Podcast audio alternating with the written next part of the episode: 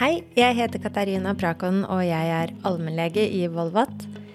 Jeg er brennende opptatt av mennesker, livet og alt som kan gjøre det både bra og vanskelig.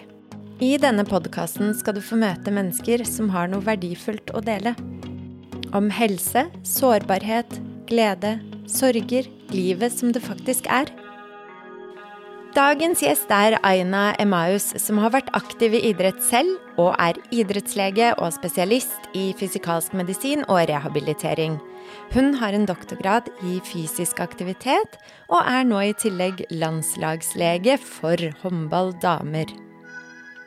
Vel, alle vet at trening er sunt, men er det alltid sunt å bare gønne på? Som allmennlege opplever jeg ofte å få spørsmål om når man kan begynne å trene igjen etter sykdom, og om det er greit å trene ved en forkjølelse. Dette håper jeg Aina kan gi oss svaret på i dag. Velkommen, Aina. Kan ikke du bare starte med å fortelle oss hva er en idrettslege egentlig? Det er jo som navnet sier, en lege som jobber retta mot idrett eh, og fysisk aktivitet. Og jeg tror at uh, i Norge, ikke tror, jeg vet jo at vi har mange idrettsleger i Norge som er en etterutdanning. Du blir først lege, og så blir veldig mange spesialist. Sånn som jeg er spesialist i fysikalsk medisin og rehabilitering. Det er en uh, videreutdanning hvor vi retter oss mot smerter og plager i muskel-skjelettsystemet. Og så kan man da ta noen kurs og bli idrettslege. Også allmennpraktikere kan bli idrettslege, ortopeder. Så her på NIMI Volvat så har vi mange idrettsleger, men ulik type spesialitet i bunnen, da. Spennende. Da kommer man jo inn med forskjellige vinklinger også. Ja. Og altså kardiologi, hjerteleger kan ha idrett. Så det er en idrettslege en som jobber retta mot idrett og fysisk aktivitet, og bruker det både som behandling og som forebygging. Men det er klart vi får òg mange som har blitt skada i idretten sin eller i aktiviteten sin, som vi prøver å rehabilitere.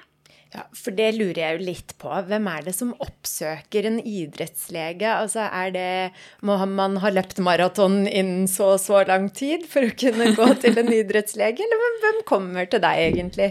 Jeg tenker at her hos oss kommer det alle mulige folk. Vi har jo eh, barn som eh, har vært altfor aktive, kanskje, som har smerter fordi de er i for stor aktivitet, eller barn som har fått en skade. Så har vi ungdommer som har trøbbel, både i forhold til idrett og andre ting. Vi har masse folk i middelalderen som kanskje prøver å være for aktiv. Og så har vi veldig mange som ikke er aktive i det hele tatt. Og så har vi 70-åringer som ønsker å springe maraton. Eller vi har 80-åringer eh, med artrose i knær, der vi kan bruke aktivitet som medisin. Så jeg vil si at vi har absolutt alle typer folk, ikke bare dem som driver med idrett. Altså medlem i et idrettslag eller springmaraton. Absolutt ikke. Vi har mest vanlige folk. Du jobber jo her på Volvat, og det er jo en del av en større organisasjon. Hvordan er det egentlig? Vår store fordel med å jobbe her på Storo, eller i Volvat Nimi, det er at vi jobber tverrfaglig. Og når jeg får en person til meg som har eh, problemer etter en sykdomsperiode, f.eks. covid, eller en muskel-skjelettplage, så samarbeider jo vi veldig med fysioterapeuter. Vi har liksom terapeuter som er rågode, sånn at vi sier at ok, det her kan vi, det vet vi om. Og det jeg kaller for en aktivitetsregulering, som kanskje er første trinn i behandling av nesten alt som jeg gjør. Vi, vi setter jo injeksjoner, og vi gir medikamenter, og vi sender noen til operasjon. Men det som alltid skal ligge først, er aktivitetsregulering. Og fordi fysisk aktivitet er verdens beste medisin, så må vi dosere det riktig. Det skal ikke være for lite, og det skal ikke være for mye, men du må finne ditt nivå. Og det kaller vi for en aktivitetsregulering. Og det er ikke alltid så lett å få til på egen hånd. Nei, helt riktig. Mm. Så det å få litt guiding på det hos, uh, i det tverrfaglige teamet vi jobber, det syns jeg er utrolig spennende. Så hvordan eh, foregår egentlig en undersøkelse hos en idrettslege, da, hvis dere får alt fra mannen i gata Eh, til en idrettsstjerne inn hos dere. Hvordan, hvordan jobber du? Jeg tenker at vi starter alltid en konsultasjon på helt samme måte.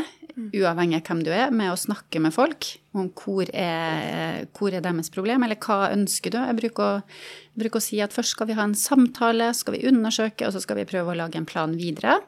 Og så spør man hva er målet deres med å komme til oss. Mm. og da har jo noen helt konkret at man vrikka ankelen for en uke siden. Så har vi liksom konkret å gå etter. Til dem som mer har hatt smerte i mange, mange år. Og så må vi lete litt bredere for å finne ut av det. Mm. Ja, for trening er jo viktig for mange, og det bidrar til økt livskvalitet. Eh, men det har også vært en tøff vinter for mange. Eh, etter pandemien er det mange som er syke. Vi hadde to år hvor vi satt hver for oss. Eh, ingen var syke. Og så åpnet vi opp. Så har mange opplevd å være veldig hanglete i lang tid. Eh, og så synes de kanskje det er vanskelig å komme opp på hesten igjen. Og vite hvor mye skal man pushe seg. Eh, og frustrerende å kjenne på at eh, kanskje man blir syk av å pushe seg for mye. Eh, så det håper vi kan prate litt om i dag, er det å komme opp på hesten igjen etter, etter en eh, tøff tid eller eh, sykdom eller eh, sånne ting. Og det vet jeg jo at du jobber en del med. Hvordan, hvilke råd har du til de som kommer til deg med slike problemstillinger? Ja, Da blir det òg litt avhengig av hva som er utfordringa. Eh, for sånn som du sier at noen har jo fått en eh, covid eller vært eh, ordentlig syk infeksjonsmessig og sliter lenge etter det. Og da behandler vi for så vidt det på lik linje med andre sykdommer. Så var vi i en periode litt redd for at dem som fikk korona, var litt mer syke enn andre. Men det er jo et mm. veldig stort spekter innenfor det her. Men det dreier seg jo gjerne om å si at man må lytte på kroppen, lytte til kroppen, eh, og ta ting litt sånn gradvis. Eh, så vi har en del pasienter som kommer inn og sier at de sliter med kanskje litt over det man sier er sånn post-covid. Du har hatt en infeksjonssykdom, eh, og så blir man ikke helt bra. Eh, man har mer en sånn eh, unormal trøtthet, en sånn fatigue. Eh, man har kanskje en unormal pulsrespons når man trener. Man kjenner seg veldig trøtt, eller man sover for dårlig. Altså mange ting i livet funker ikke etter at man hadde korona. Så da bruker vi for så vidt å ha en lang samtale med god informasjon om hva som kan være, og at dette er ikke ukjente ting. Og jeg tror at mange har godt av å liksom puste litt mer og ta ett skritt tilbake, og sånn begynne gradvis å øke aktiviteten.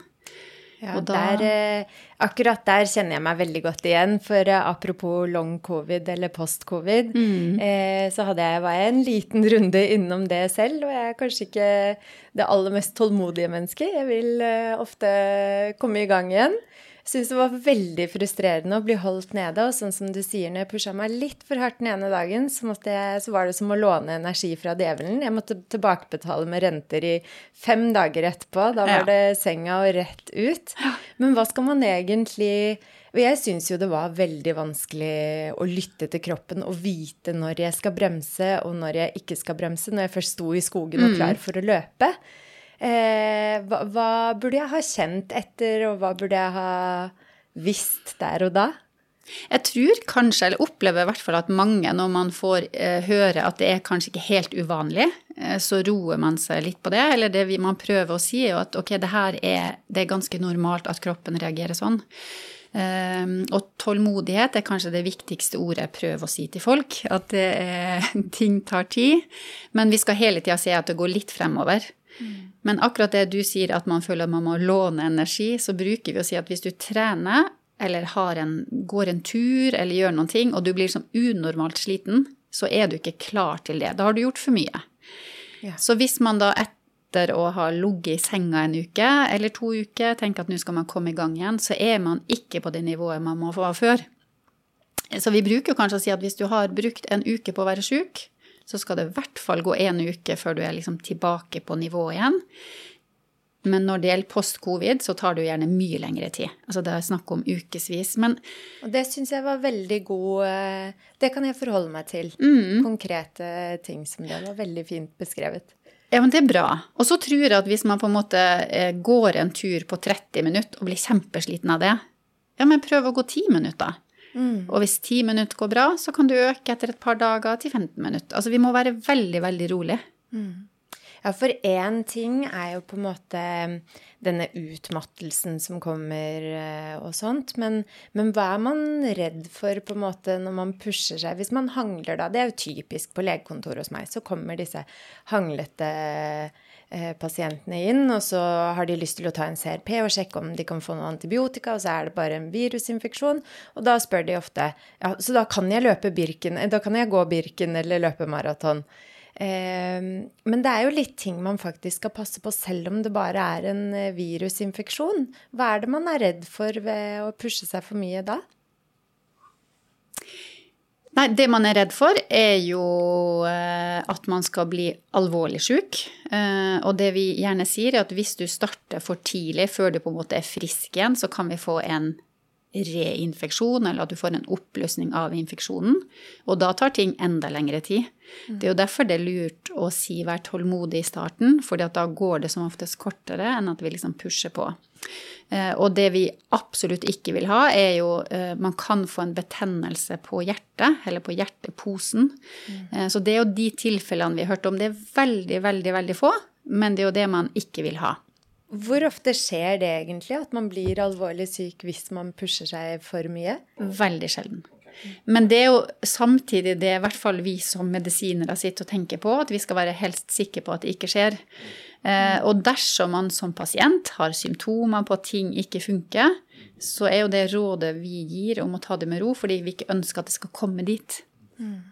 Ja, for nå snakker vi jo om eh, å lytte innover og klare å begrense seg og vite litt hvor egne grenser går, og vurdere det litt over en tid etter man har vært syk. Mm. Eh, men jeg som allmennlege, og dette er kanskje Jeg håper ikke noen blir sinte for det jeg skal si nå, men jeg opplever i alle fall at menn er litt dårligere på å lytte innover eh, og ta hensyn til kroppen enn kvinner.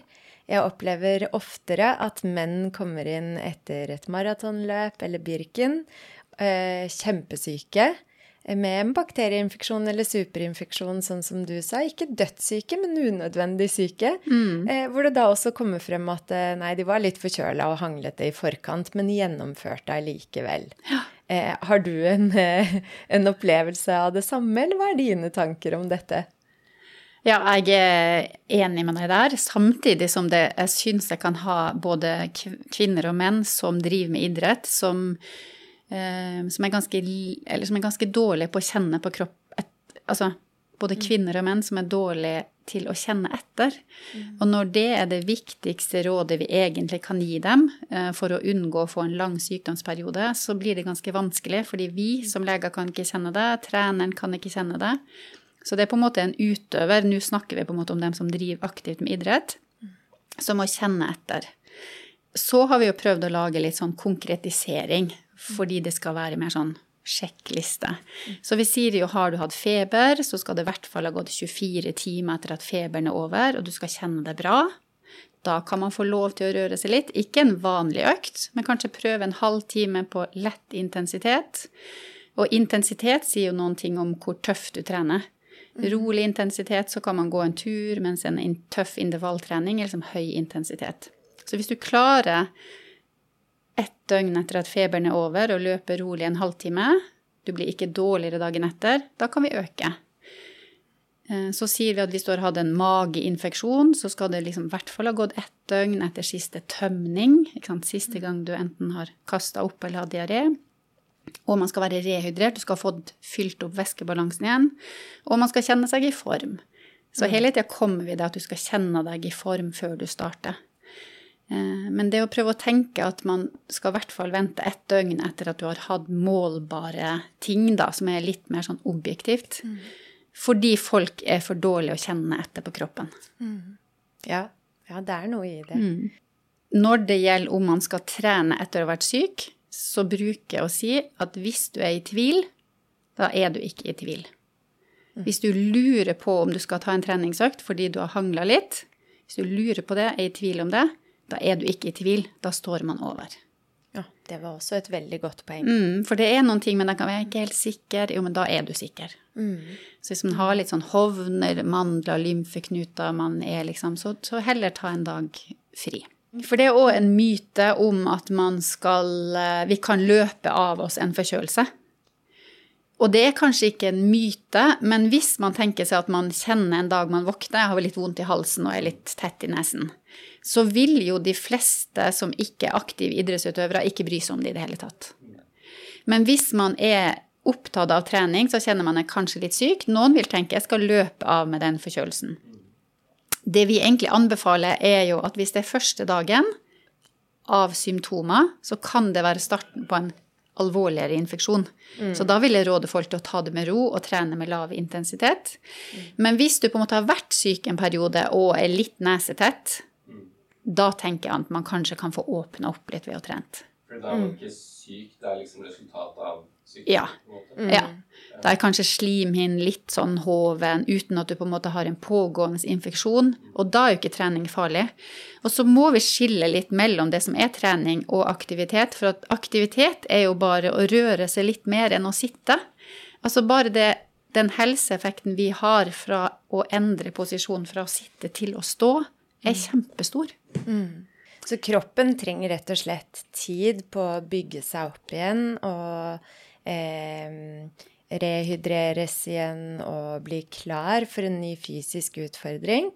Men samtidig så har jo også fysisk aktivitet veldig mange positive effekter på kroppen.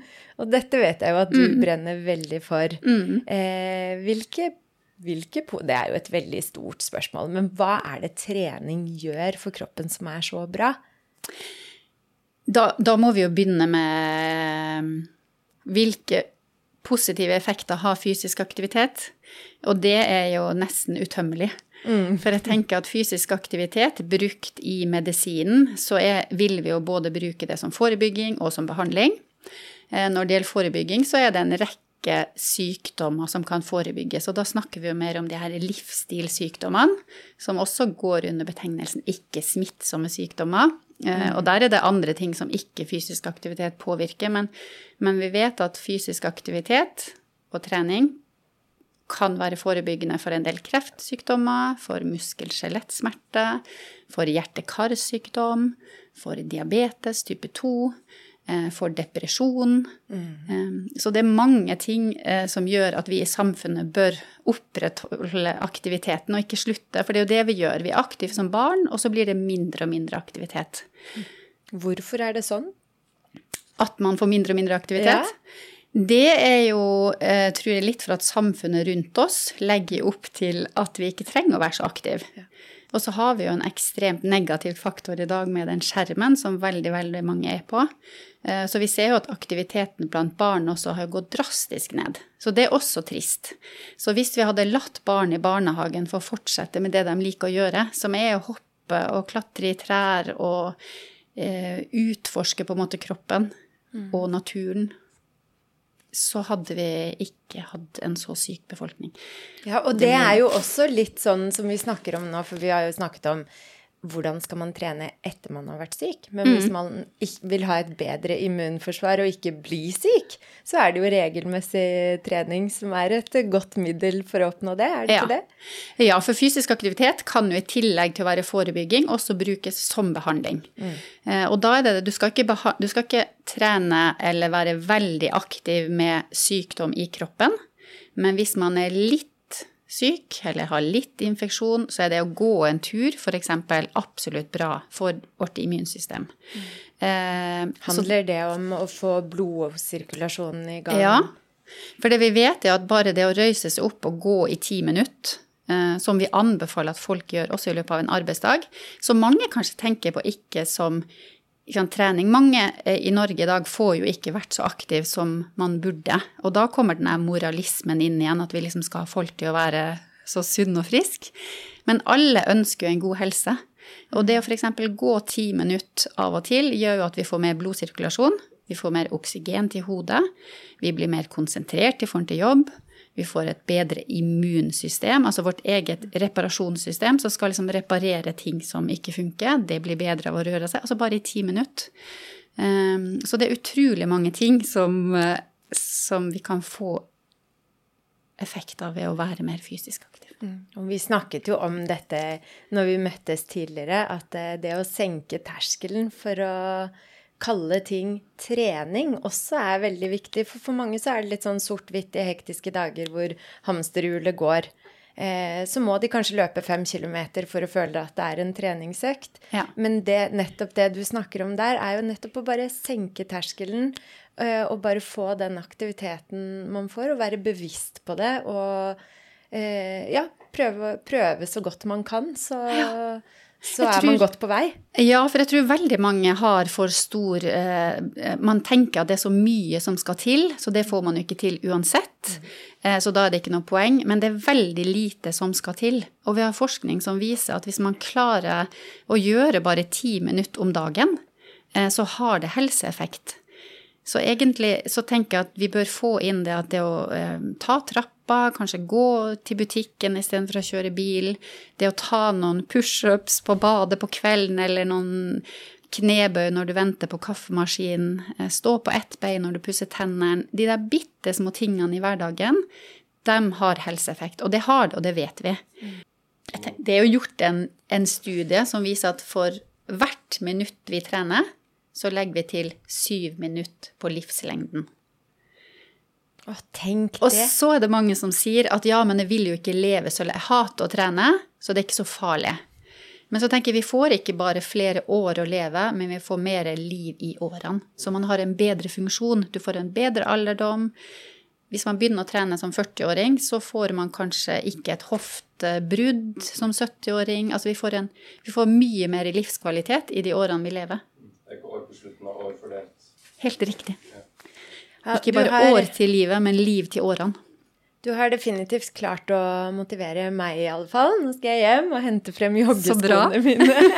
Håper lytterne våre føler det på samme måte og har fått noen eh, tips til eh, hvordan de kan eh, starte opp treningen etter sykdom eller andre, andre ting. Eh, men jeg må jo jeg må jo stille deg dette spørsmålet, spørsmålet helt mot eh, slutten. Hva gjør du som idrettslege for å bevare din fysiske helse? Og ta Ja. vare på den? Ja, jeg tenker at eh, det er litt eh, Helt personlig så er jeg veldig glad i aktivitet, og egentlig alle former for aktivitet, så jeg har en fordel der.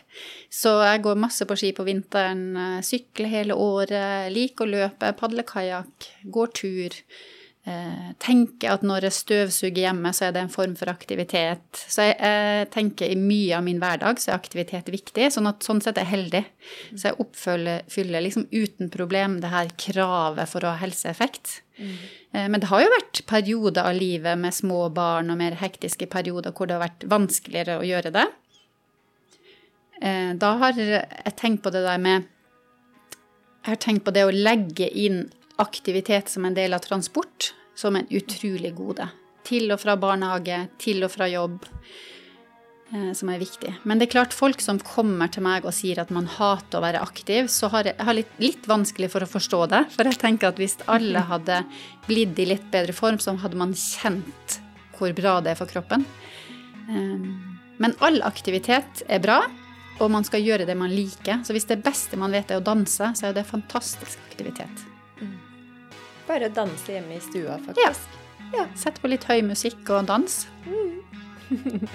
Tusen takk for den gode praten i dag, Aina. Bare hyggelig. Tusen takk for at du hørte på i dag. Hvis du syns dette var spennende, del det gjerne med de som burde høre det. Følg oss i podkastappen din, så høres vi neste uke. Ha det fint!